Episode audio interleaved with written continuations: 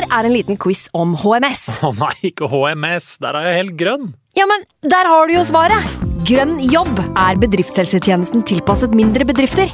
Våre HMS-eksperter hjelper mer enn 8000 bedrifter over hele Norge med alt fra lovpålagte HMS-krav til pålegg fra Arbeidstilsynet. Få på plass bedriftshelsetjeneste på grønnjobb.no. Hallo? Jeg kommer fra Oslo politikammer. Ine Jansen er purk. Er du purk? The motherfucking bitch. Alt jeg vil, er å finne ut hva som skjedde med mannen min. Jon Carew. Er jeg sikta for noe? Iben Akeli. Det er du. Ole So, Lars Berrum og Big Daddy Karsten. Hvem sin side er du på, egentlig? Anette Hoff, Tone Danielsen, Kommer du fra Afrika? Jørnis Josef, Nesten. Kløfta. Trond Espen Seim, Det er synd å si det, men det var feil mann som døde. Purk. Premiere tirsdag på TV2 Play. I can't believe it. Football, bloody hell.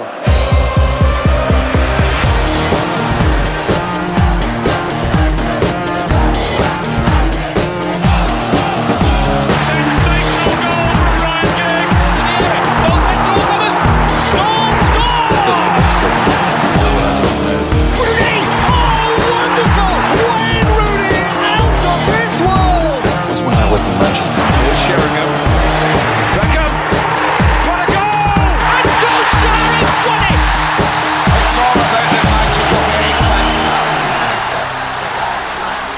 Velkommen skal du være til en ny episode av United We Podcast. Jeg heter Ken Vasenus Nilsen. I dag så har jeg ringt opp Eivind Brennhovd Holt, United-journalist. Hallo, Eivind. Hallo. Du har fått, uh, fått roa deg inn mot helga, eller hvordan er stemningen hjemme? Det er ikke så lett å roe seg med den stormen som uh, pågår nå. Uh, heldigvis så spiller United tidlig, så vi slipper å gå og vente på, på det. Men det føles jo Det føles litt som en eh, skjebnekamp, syns jeg, selv om vi ikke Vi er nok ikke der vi var eh, med Moyes før han fikk sparken mot Everton, eller Mourinho før han fikk sparken etter kampen mot Liverpool, men eh, det føles ganske prekært. Dag Langerød, redaktør i United.no. Hvordan, hvordan går det med deg? Er du, er du like, like dårlig følelse som Eivind? Eh, Det jeg tenker mest på akkurat nå, det er at jeg kommer til å spise kald taco fordi dette blir tatt opp på fredag ettermiddag, og da og lages tacosen oppe. og så Det eneste positive er at den da er ferdig omsider når jeg er ferdig da, med å prate her. Men nei, jeg syns ikke det er like prekært. Jeg føler faktisk, helt ærlig, at uh, det er for supporterne det er prekært, men jeg tror ikke det er prekært uh, i United. Men selvfølgelig, det var ikke bra mot Basak Sahir, det var ikke bra, så bra mot Arsenal, og hvis det fortsetter på den måten Norwich og sånn, så, så sier det seg sjøl at da, da er resultater tellende. Men eh, jeg føler faktisk at det er større en større greie blant supporterne enn jeg sitter egentlig kanskje helt med følelsen kanskje er i United. Da. Eh, Det er fire dager vi ikke har levert på, egentlig. eh, Hvis du ser bort fra den innledninga på sesongen som var vanskelig. Men situasjonen er jo kritisk med tap mot Everton for alle, uansett om du er supporter eller Solskjær. Ja, altså på en måte, nå, går vi rett inn i det, da, og Vi bare overtar alt sammen. Kjør på. Altså, Nei, altså Poenget er altså, Hvis du ser helt rått på tabellen, eh, så er jo situasjonen at United har eh, sju poeng på seks kamper. Eh, og har én kamp til gode på de foran, og tredjeplassen har 13 poeng. Eh, hvis United taper i helga, så har United sju poeng på sju kamper, og de som er foran, vil ha 14, 15 eller 16, og United har fortsatt én kamp til gode. Så ikke, jeg vil ikke si at det er prekært, og det er fortsatt ekstremt tidlig. og det er derfor jeg på en måte vi, Jeg føler at det er, lages mye større enn det er, men selvfølgelig, for hver, tamp, hver kamp United taper, så blir det verre. Men jeg mener, jeg er fortsatt, fortsatt sånn derre Jeg tror ikke det styret sitter nå og diskuterer Pochettino eller alternativer på noe som helst måter.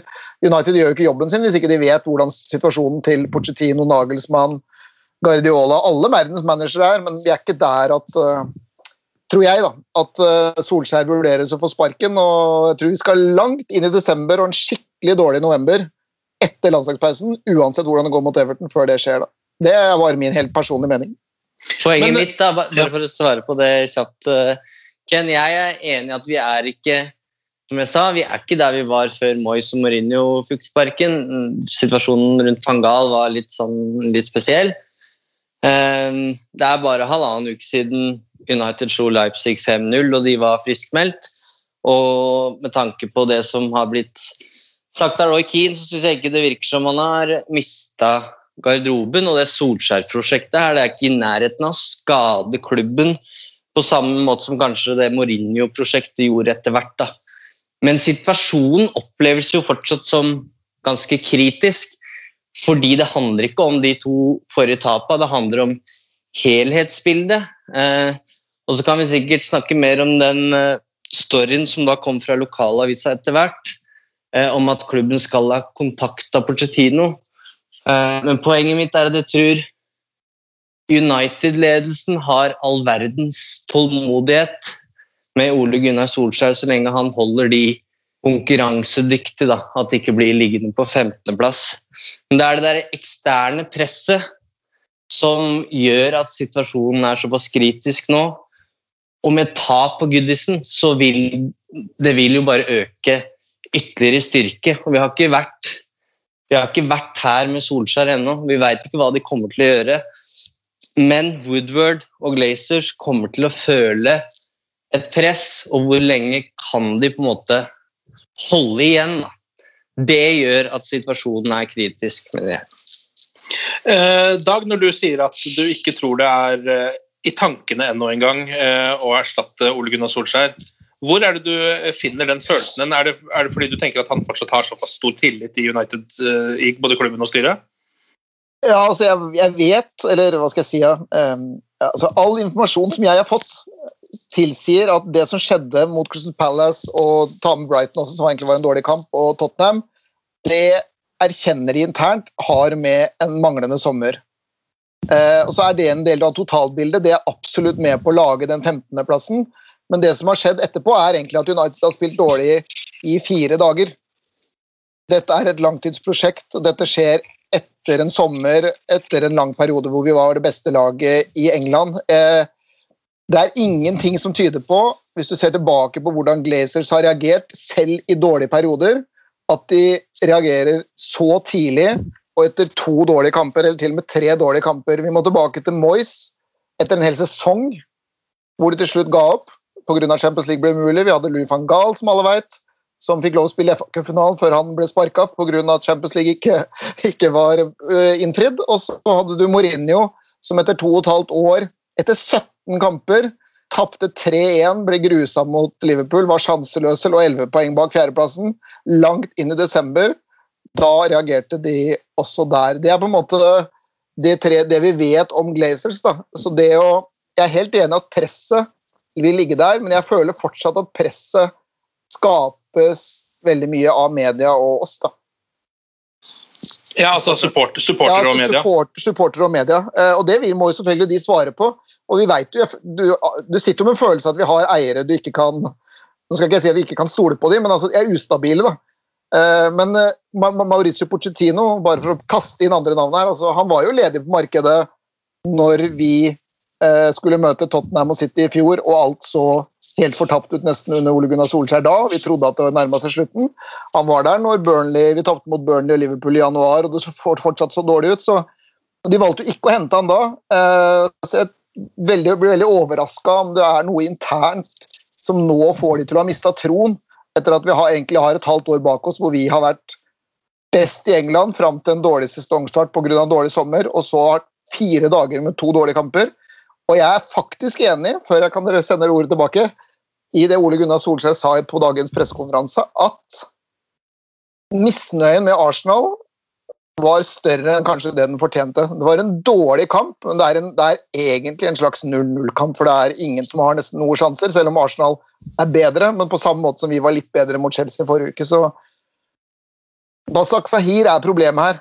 Vi skulle reist ned dit, spilt med det laget som han spilte når han spilte med det laget, så skulle vi vunnet 3-1, reist hjem, og så skulle vi fått poeng eller seier mot Everton, og så hadde det på en måte tralta videre egentlig og vært helt greit i gang.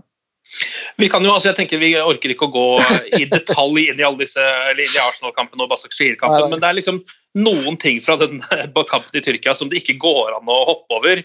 Eh, Og det er jo spesielt det 1-0-målet som United slipper inn. altså det eh, det- ja, Når så man noe sånt sist? Det må jo ha vært sjuerfotball på Løkka eh, når du var og så sønnen din spille kanskje dag? Eller, altså, hva, hva er det som skjer med eh, den defensive markeringen? Eller den offensive markeringen, kan man jo si, for United har jo ballen til Manchester United der på den corneren. Hva, hvor skal man, altså, hva, noe, Går det an å forklare dette på noen som helst måte? Jeg må nesten sende det til, eh, sende det til Eivind, ja, for jeg har faktisk ikke en sønn, jeg har to døtre. Så jeg har, liksom ikke, vært, jeg har ikke sett det på Løkka engang. Ken, så, Nei, så, nei. så ille var det. Jeg har liksom ikke noen forklaring. eh. Jeg vet at det var, jeg kan bare si, det, var flere, eller, det var én som var veldig hissig på å sende meg en mail, eh, hvor han påpekte at eh, nå må du Du forsvarte Luke Shaw, syntes han hadde kommet greit ut av den kampen, men se hva han gjorde. men her var det jo Luke Shaw var jo hans store straffefeltet for det første på den. da, og det, og det kan godt hende at han ikke skulle vært der, men han var på straffemerket gjennom hele situasjonen. Og da må du se på Matic, Fambisaka og Tuan Sebe, som egentlig var de tre som var tilbake. Hvorpå Tuan Sebe stikker inn i feltet, Fambisaka blir med på den korte corneren, og Matic ikke følger med. Så, men uansett, altså Ingen forsvar. Eh, flaut. Eh, Jeg skrev det sjøl i Facebook-gruppa vår. Jeg aner ikke engang når vi kan huske et sånt mål. Eh, og jeg syns ikke det var så veldig mye bedre det 2-0-målet heller. Hvordan vi mister ballen der sånn. Og, men jeg vet hva, Eivind, Eivind, du må bidra litt her. Jeg, jeg, jeg har bare ei datter, og hun klarer ikke å sparke en ball foreløpig. Så sånn sett så er ikke grunnlaget noe bedre. Men jeg kommer til å skli inn på Solskjær igjen, da, fordi jeg, det, er, det er det eneste som står i huet mitt, og mange andres, tror jeg. Eh, men før den Istanbul-kampen så tenkte jeg som så at eh, ok, dette her er, dette er jo det vi er vant til. Det er som å spille stigespill. Nå har vi på en måte ramla tilbake til start igjen. Eh, reise til Istanbul, i hvert fall få med et poeng der. Sørge for at Champions League-avansement er i rute. Også nullstille mot Everton og forhåpentligvis få en god opplevelse der inn mot landslagspause og skaffe arbeidsro. Og Det er det her Solskjær har lyktes med så mange ganger eh, tidligere. altså når det har vært som jeg sa i stad, aldri vært så stort press, men når presset har vært stort, så har han gravd fram et resultat. Og så får vi den starten vi gjør i Istanbul, og det målet det symboliserer liksom hele alle de 90 minuttene. Eh, men hovedproblemet syns jeg er som mot Arsenal at de skaper ikke sjanser, da. Selv om Kavani er involvert, Rashford er involvert, Fernandes og resten av angrepsrekka, så, så klarer de ikke å skape en skikkelig målsjanse bortsett fra det målet. og det det er bekymringsverdig, da. Og Det er jo et veldig utypisk Manchester United-mål. Det er jo veldig sjelden det der skjer med Manchester United, at det er en altså Beck, eh, i dette tilfellet da Luke Shaw, som går av en mann, eh, legger den inn på hodet til Martial, som bare header den borti hjørnet. Det er lenge siden jeg har sett faktisk United skåre et sånt type mål. Det var vel også Shaws første assist siden januar, eh, hvis ikke jeg tar helt feil. Um, men hvis vi skal se på det litt større bildet, hva tenker du at den kampen der gjør med mulighetene for avansement i Champions League? De var jo ekstremt gode før den kampen. Det var snakk om fire poeng til. Eh, gjerne de da mot Basak Shehir over to kamper.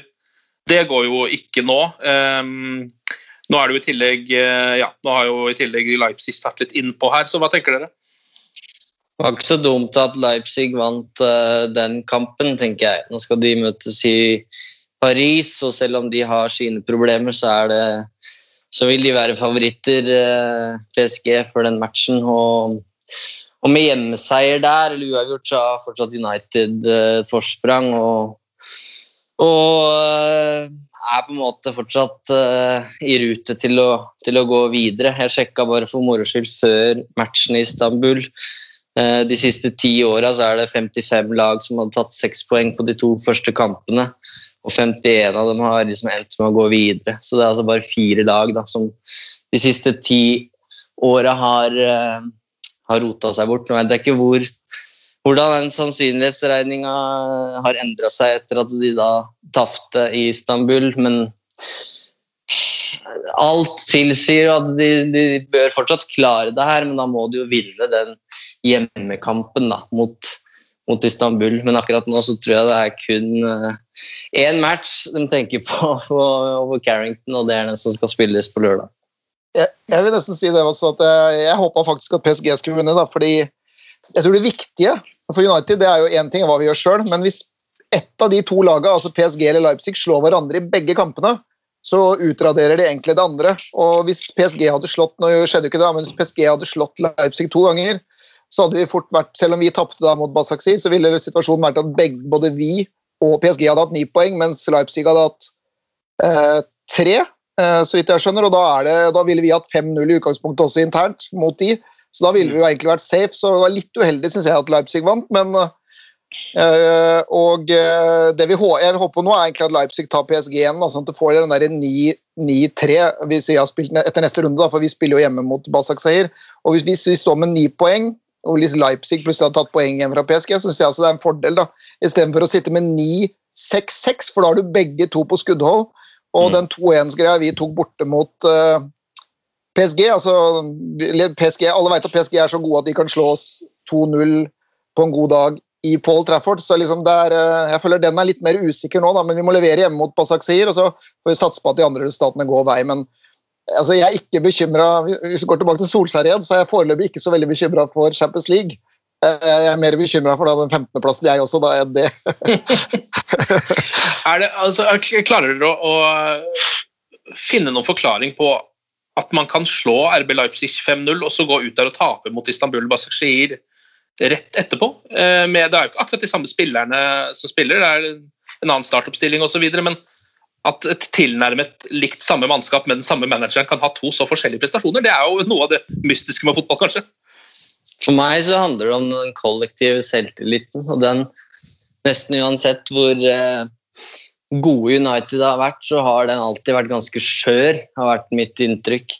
Eh, ja, de hadde gode perioder under Solskjær, men de har aldri helt fått den derre følelsen av at nå kan de dundre 10-15 kamper uten tap. Og for min del så, så handler det om at uh, når ting ikke går helt som planlagt, hvis det kommer et tidlig baklengsmål, så har de, så har de ofte falt sammen uh, og ikke klart å, å respondere.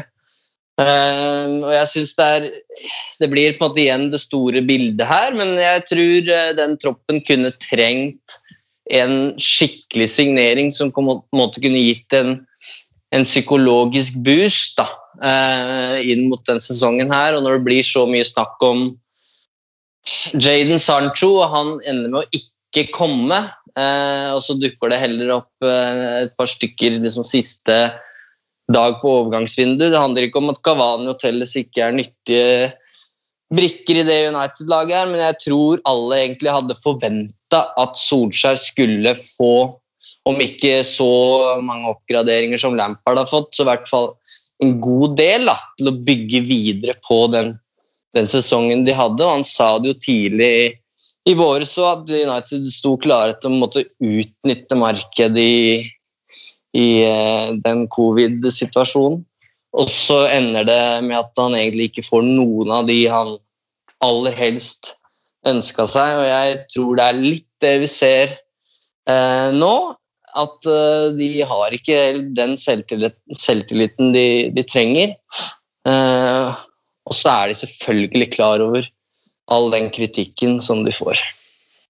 Du ripper, jo, du ripper opp i en ting som jeg i hvert fall har nevnt i noen kommentarer. og Jeg husker ikke om jeg har nevnt det her før også på en tidligere sending, men uh, Jeg har ikke nevnt navn, men det er en av Europas verdens beste midtbanespillere som ville til Manchester United i sommer, som Ole Gunnar Solskjær snakka med, uh, og uh, Glazers, Joe Glazer sa nei. Jaden Sancho vi snakker om. så det er jo litt frustrerende når man ser på den balansen med midtbanen, for jeg vil gå tilbake til, hvis du går tilbake til spørsmålet ditt, da, det er jo det United sliter med. United var, hvis du ser på den dårlige sommeren, da, hvis du bare går tilbake til det og Så kaster han utpå det litt vanlige laget sitt i, i, eh, sesongstarten, og så går det til helvete.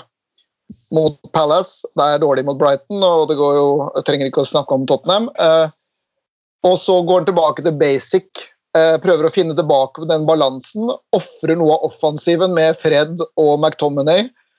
Men foreløpig så klarer de ikke med eller de har ikke den riktige balansen mellom det tryggheten defensivt og det offensive med de to. Men det er det tryggeste defensivt. Og så er det så mye kamper at når de kaster inn på Matic og Pogba og til og med Donny van de Bake, som jeg syns egentlig gjorde et helt ålreit eh, kamp nå igjen så de klarer ikke, Det er et eller annet med den balansen da, i hele laget som forrykkes hver gang. Og du spiller så mye kamper at du kan ikke bare spille med Fred og McTominay og prøve å lete etter det riktige med dem. Og Det går jo tilbake selvfølgelig på trenerapparatet, og kan, man, kan, også dra det videre tilbake til altså sommeren. og bare, Det har kommet gærent i gang da. Eh, på veldig, mange måter. Pogbas, korona, Greenwood-situasjonen som ble nevnt for et par uker siden. Altså, da tenker jeg ikke på Lyskas og Island, men det andre at han forsvant ut et par kamper. altså Det var jo ikke noe tvil om at han, at han var i fryseboksen der, sånn, uh, uansett hva Solskjær sa utad. Så det er, så, det er, et eller annet med balansen i United som gjør at hvis de har prøvd ulike ting, og det så, mener jeg vi så da igjen nå Nå prøvde de jo da eh, med Matic bl.a. på der nede, og Jeg kan ikke ta Matic sånn individuelt, men det kollektive det henger ikke sammen. Det kan bli for offensivt, men da mister de kontrollen defensivt, og så blir trøkket bakover på backrekka for stort. Og hvis du kjører kanskje Fred og McTominay, så får du ja, da, da, nuller du Chelsea og Arsenal, og så skaper du nesten ikke sjanser i noen andre kamper. ikke sant? Eller at det blir det er det han leter etter nå. da. Det er det han må finne løsningen på helst mot allerede nå på lørdag. Og det er det vi må se igjen etter West Bromwich. For hvis ikke han får tak, finner den riktige balansen igjen, som han fant fra februar til august med Bruno, når han, Bruno kom inn og var god, så, så kommer det jo dette etter godt helvete til slutt for Ole Gunnar Solskjær. Det er jo han som blir ofra. Der er vi Jeg skal ikke avbryte programlederen. Nei, men bare kjør på, Eivind. Nei, jeg skulle bare si at der er vi helt på bølgelengde i dag. Og det, det Sol, den, Noe av kritikken mot Solskjær har jo vært at han ikke er god nok taktisk. Så mener jeg at den kritikken blir nesten litt for dum når du slår Tuchel og Nagelsmann på ei uke.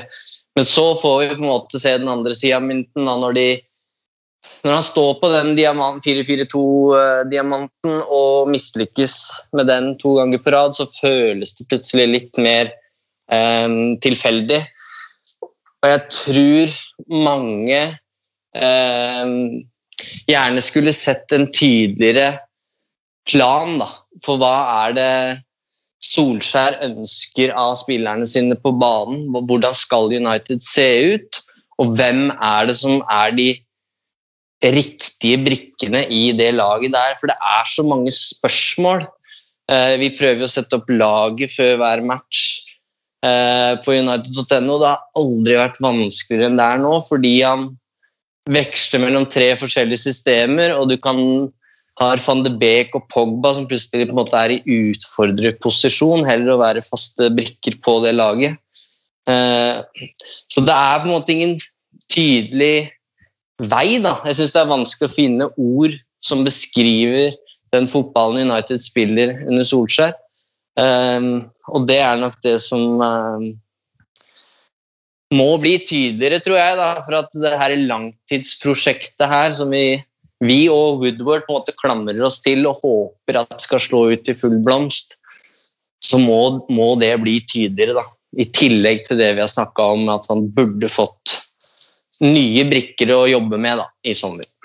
Ja, jeg, er, for meg så er det der hele essensen. og jeg kan nesten det er nesten sånn at jeg kan sitte her, og jeg vet at det, noen tenker at det er ansvarlig redaktør må holde kjeft litt, eller et eller annet sånt, men å sitte her og snakke på vegne av hele United-supporterskaret Hvis vi som supportere ser helt klart at Ole Gunnar Solskjær sender ut på et lag som prøver på et eller annet, eh, og det er tydelig hva de egentlig vil på banen, så tåler vi at vi taper mot, til og med mot Basak Sahir, nesten. Eller i hvert fall vi kan mm. tåpe at vi taper 1-0 mot Arsenal. Da.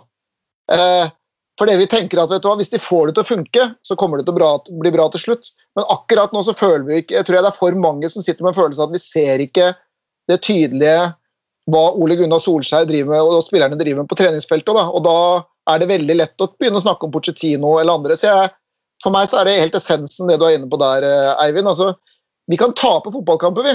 Så lenge vi ser at på en måte, ok, men det er sånn Ole Gunnar vil at det egentlig skal være. Ja. Det er greit. Da får vi stole på det og satse på at det går i orden til slutt. Mens nå er det litt sånn eller når det går dårlig nå, da, så har det vært litt sånn ingenting. Og hvis det har gått bra i et par kamper, så føler du kanskje at det har vært eh, Selv mot Leipzig, når de vant 5-0, så var det jo ikke sprudlende fantastisk fram til det 70.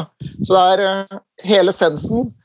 Gi oss et eller annet som vi ser så tydelig, og det er kanskje det som er ankepunktet mot Solskjær, selv om jeg må legge til én ting helt til slutt. at Det er ikke sånn at du må spille fotball som Pep eller Klopp for at du skal liksom kunne ha en tydelig stil heller. Det er andre måter å gjøre det på. Ja da, og man kan jo spille fotball som Solskjær, altså som Solskjær Ja. gjorde da fra februar eh, og egentlig fram til ja, så å si ut forrige sesong. Eh, helt til på slutten der hvor det begynte å halte litt selvfølgelig og ble litt sliten og sånn. Men eh, jeg synes det er litt som supporter eh, så er det jo eh, frustrerende å, å sitte og se på at ikke de klarer å gjenskape det der og bygge på det de klarte å ha der. fordi det var jo ikke det var ikke en tilfeldig én kamp, det var vedvarende over mange mange kamper. Og det var akkurat det samme som de sliter med nå, nemlig det å spille ut et lag som prøver å legge seg litt dypere. Eh, nå er det akkurat som at alt som skjedde i den perioden, eh, ble bare borte med fatigue. Altså De sleit seg ut og fikk aldri det tilbake igjen. Jeg skjønner ikke helt hva som har skjedd der. skulle jo nesten tenkt at uh, altså Etterpåklokskap da, det er jo en veldig lett egenskap eller sånn, Han skulle spilt med ett lag på lørdag, så skulle han spilt med et helt annet lag på onsdag. sånn at Bruno og Rashford og alle de andre kunne hatt liksom en hviledag hver runde. da. Kanskje de hadde vært bedre. Og så kunne man tålt å tape med reservelaget noen kamp mot Basak Sihir. Men du kan ikke spenne det beste laget ditt til Tyrkia mot et lag som er dårligere enn FC København, og tape. Da er du be om, be om bråk. ja. Eh, altså, eh, nå, eh, vi har jo vært inne på at dette her er et prosjekt som kommer til å ta tid osv. Nå er det jo 101 kamper, blir det vel, med kampen i Tyrkia. Eh, 100 var vel mot Arsenal, er ikke, stemmer ikke det? Eh, og det er ganske mange fotballkamper. Eh, 100 stykk. Det er liksom ikke lenger eh, Det er ikke lenger i startfasen av et prosjekt. Det er, da må man egentlig begynne å se litt form. Er dere enig i det? ja da. Ja. Absolutt. Eh, ser vi det? Nei, altså jeg For å Ja. gå, gå først her, da, så så syns jeg det er eh, vanskelig, fordi du må skjære bort en del av den kritikken som holdt på å si rammer Manchester United.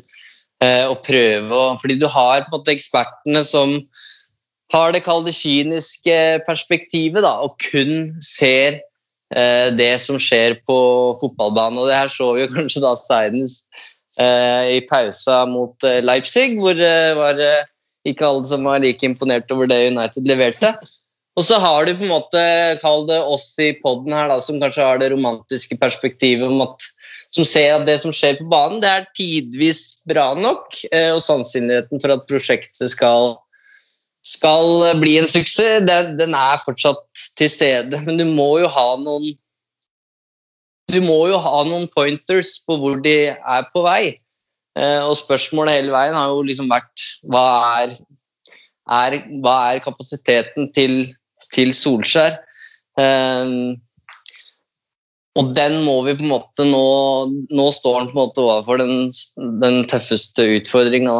Eh, og det føles jo litt som at akkurat her og nå, som at dette kanskje er den Newcastle-kampen som Mourinho hadde, da, hvor det ble meldt at han kom til å få sparken før kamp, uansett hvordan det gikk. Så vant de den ganske overbevisende.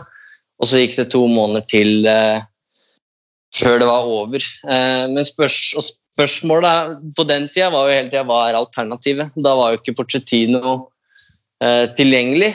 Det er nå, men jeg mener jo fortsatt at det må stille spørsmål ved Woodward oppi det, alt det her, da. Eh, for han tror jeg det er verre egentlig å sparke eh, Solskjær enn å, enn å fortsette. Eh, men Pochettino er der, og så er spørsmålet som i hvert fall jeg kommer til å stille meg, hva er grunnen til at vi skal tro på det lang, langtidsprosjektet her under Woodward, når det ikke, ikke har funka med de fire forrige?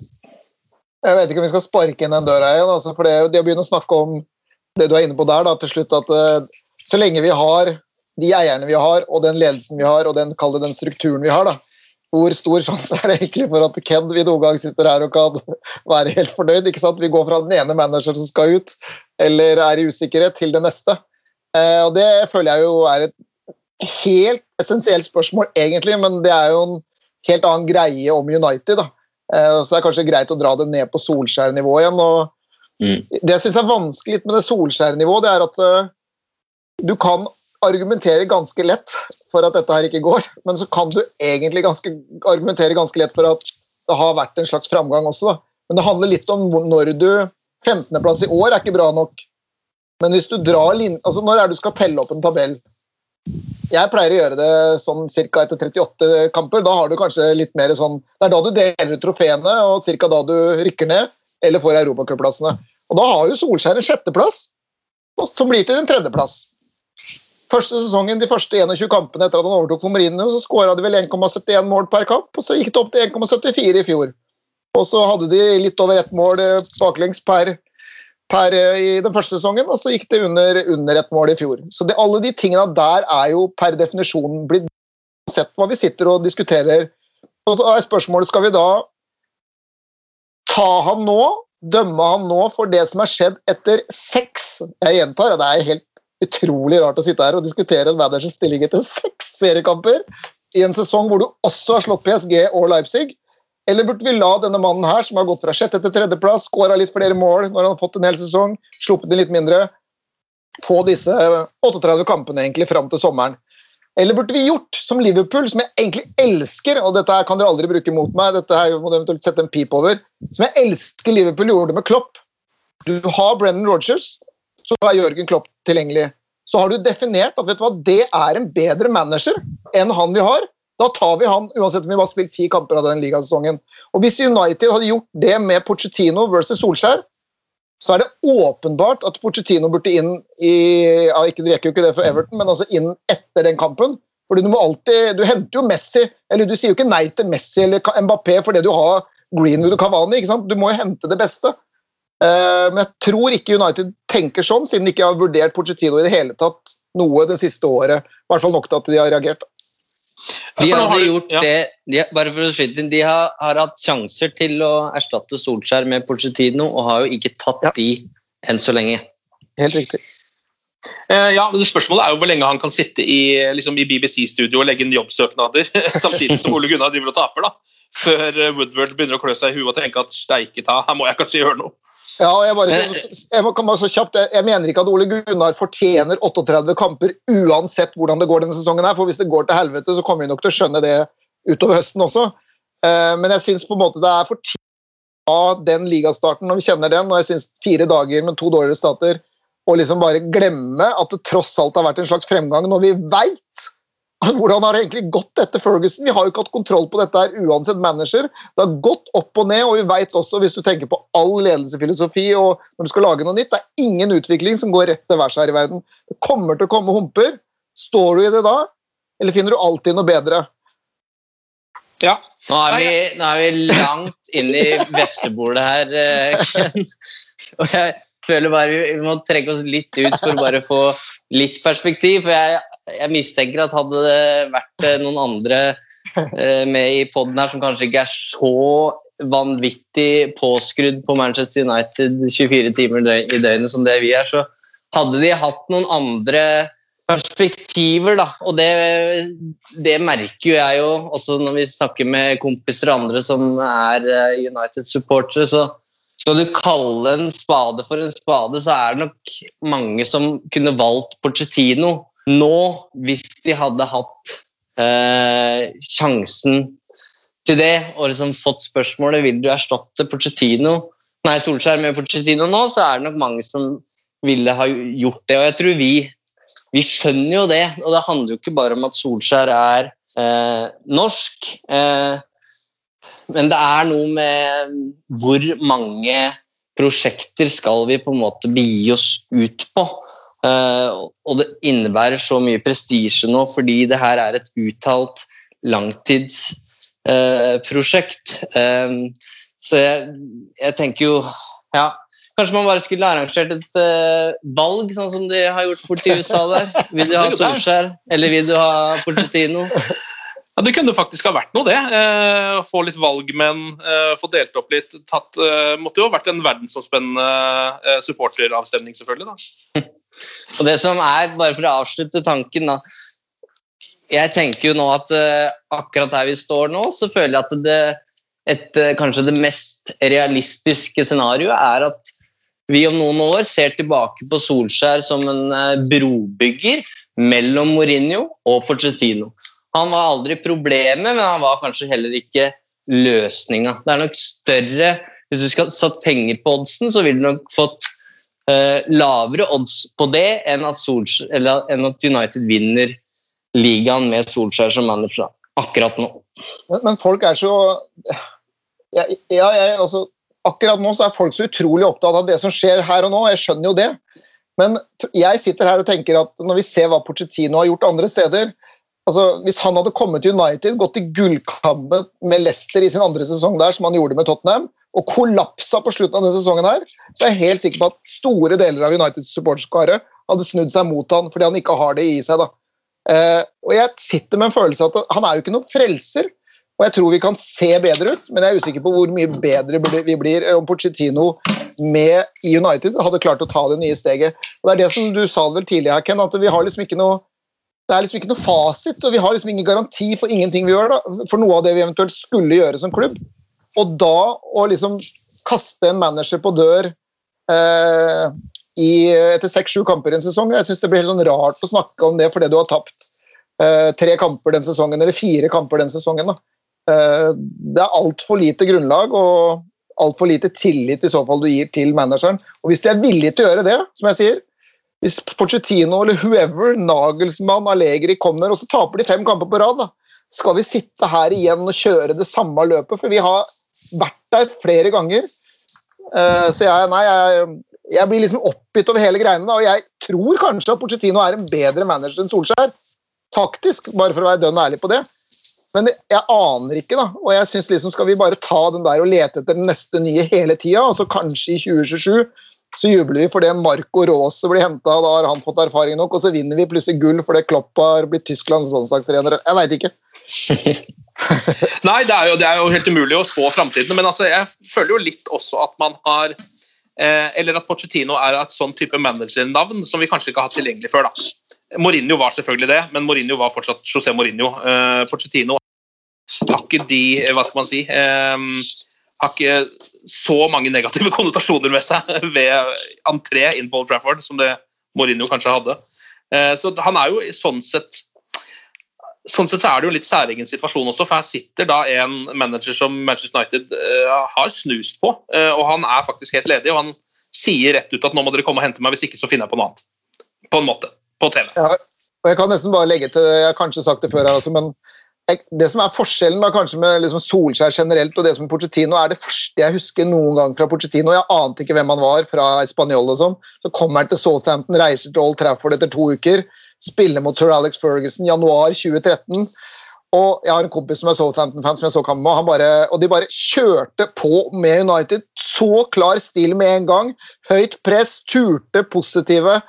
Og de hadde United hadde flaks som vant 2-1. da. Det er sånn jeg tenker på essensen av Mauricio Pochettino. da. Og Når du da ser det du så mot Basak Sahir, da, bare for å ta det verste nå, så det, da blir det veldig lett å tenke liksom på at søren hadde ikke det vært noe. liksom. Jeg skjønner det. og det er jo, Men jeg, jeg vil fortsatt, jeg syns det er vanskelig å helt gi slipp på den troen på at kanskje Solskjær, som kjenner klubben eh, tør, er, Han er kun opptatt av United. Han er ikke opptatt av det sjøl et sekund, tror jeg og gi han tid og tørre å stå i det. At vi på en eller annen måte, når han får lov til å bygge videre, at vi får mer igjen for det. da. For jeg vet at Selv om Eivind har vel argumentert litt noen ganger for at han har fått sitt lag, og sånne ting, men eh, det er jo en grunn til at vi prøvde å få tak i Jude Bellingham, Erling Braut Haaland, den midtbanespilleren som jeg nevnte på, og Jaden Sancho. Det er fordi han har ikke fått sitt lag ennå. Og Forrige kamp når vi spilte, så var det jo tre spillere Ole Gunnar Solskjær har kjøpt fra starta, selv om du kan legge til Selvfølgelig Du kan legge til det, ja, du kan legge til at han har gitt noen kontrakter til andre spillere, men det er ikke helt Ole Gunnar Solskjærs lag ennå. og Det ser du den der, når han har gått fra Jones og Smalling første halvår til eh, prøve Rocco i fjor. Rocco var jo brukt et halvt år han med Rocco nesten i flere kamper her. sånn også. Så liksom, Han har lett hele tida, og på midtbanen så har han også lett. Der var det jo Hander Herrera, og så var det Matic, og så kom McTominay inn, og så på en måte kommer Bruno inn. Så er, jeg, føler ikke, jeg, føler at han prøver å gjøre på en måte det beste ut eh, fra ting han på en måte har fått fra andre. Da. Men derfor så blir det jo veldig uforståelig igjen å skjønne hvorfor, hvorfor spiller ikke Donny van de Beek med. Da, for det, hvis han er Solskjærsmann. Mm. Så, så, så, tror jeg ikke det er nå eller aldri med Pochettino, da. Bare for å, bare for å få sagt det også. Eh, det er ikke bare i United de skifter manager ofte, så han, han kommer sikkert ja. til å være tilgjengelig igjen. Eh, men bare for å gå litt tilbake til utgangspunktet for hele den debatten her, det handler jo om storyen fra Manchester Evening News, som, eh, som da hevder at United har vært i kontakt med Porcetino. Og så er det jo flere journalister som har skrevet holdt på å si det motsatte, at United fortsatt har, har full tillit til, eh, til Solskjær fortsatt. Um, men vi i United.no var vel ikke helt i krisemodus som, som mange andre da, når den meldinga kom. Eh, og dette har vi jo måtte, vært med på før, og som jeg sa, det føles ikke som vi er der i det hele tatt. da. Og kontakt med Pochettino, det kan bety så mangt. Eh, så jeg tror utgangspunktet eh, for den debatten vi har nå, den er også ganske blåst opp, mener jeg personlig. da.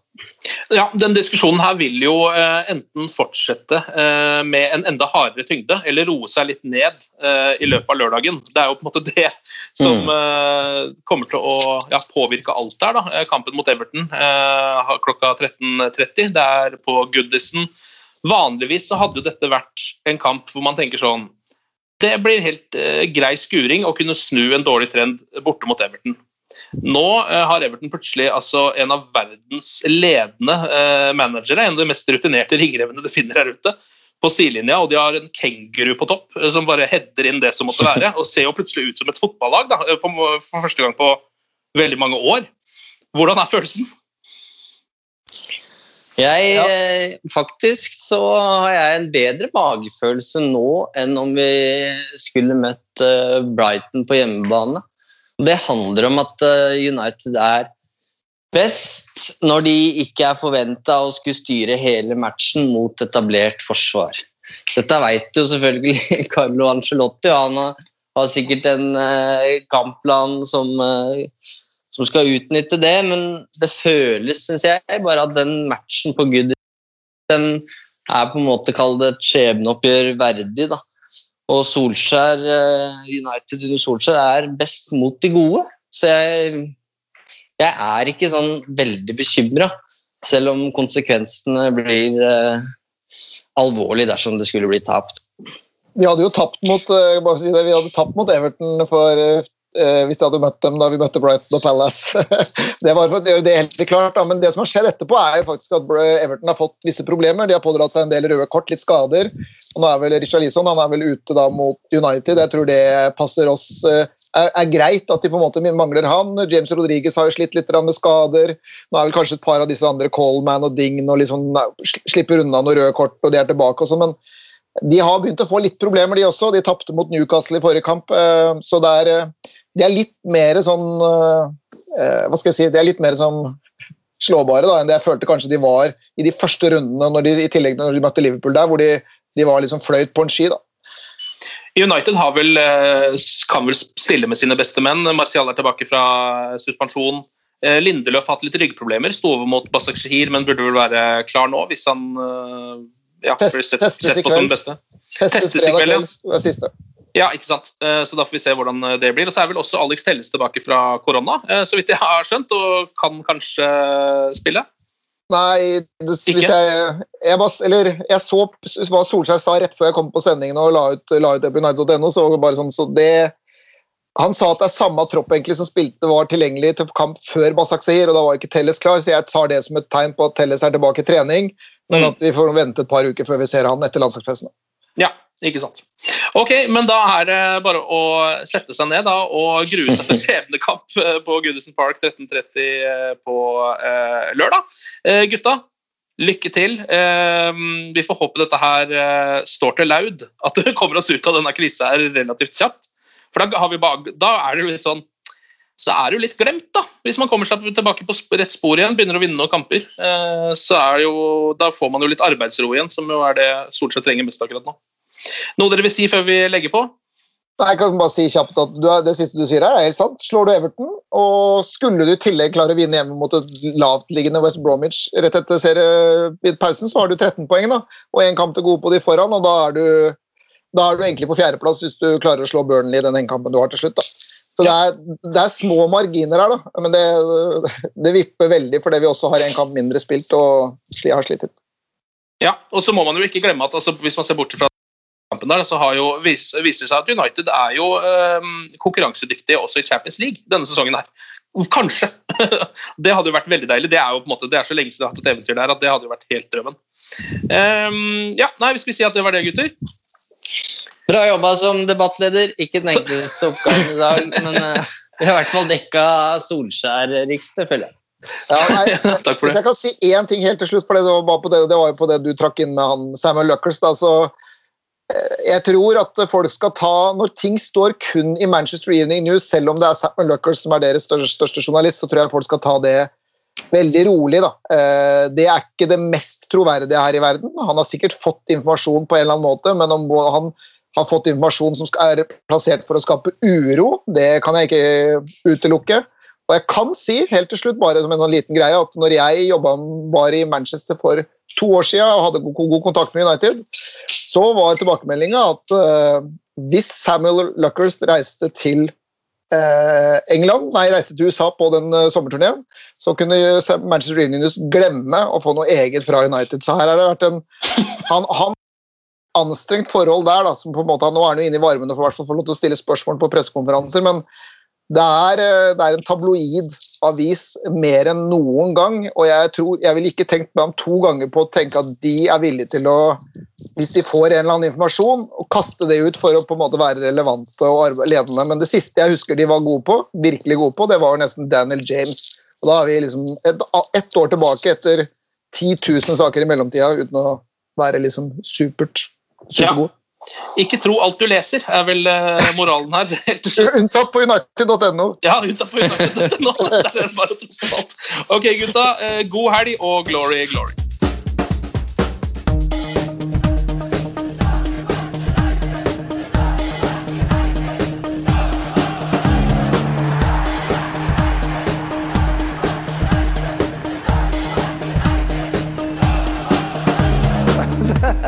Oh, it's true.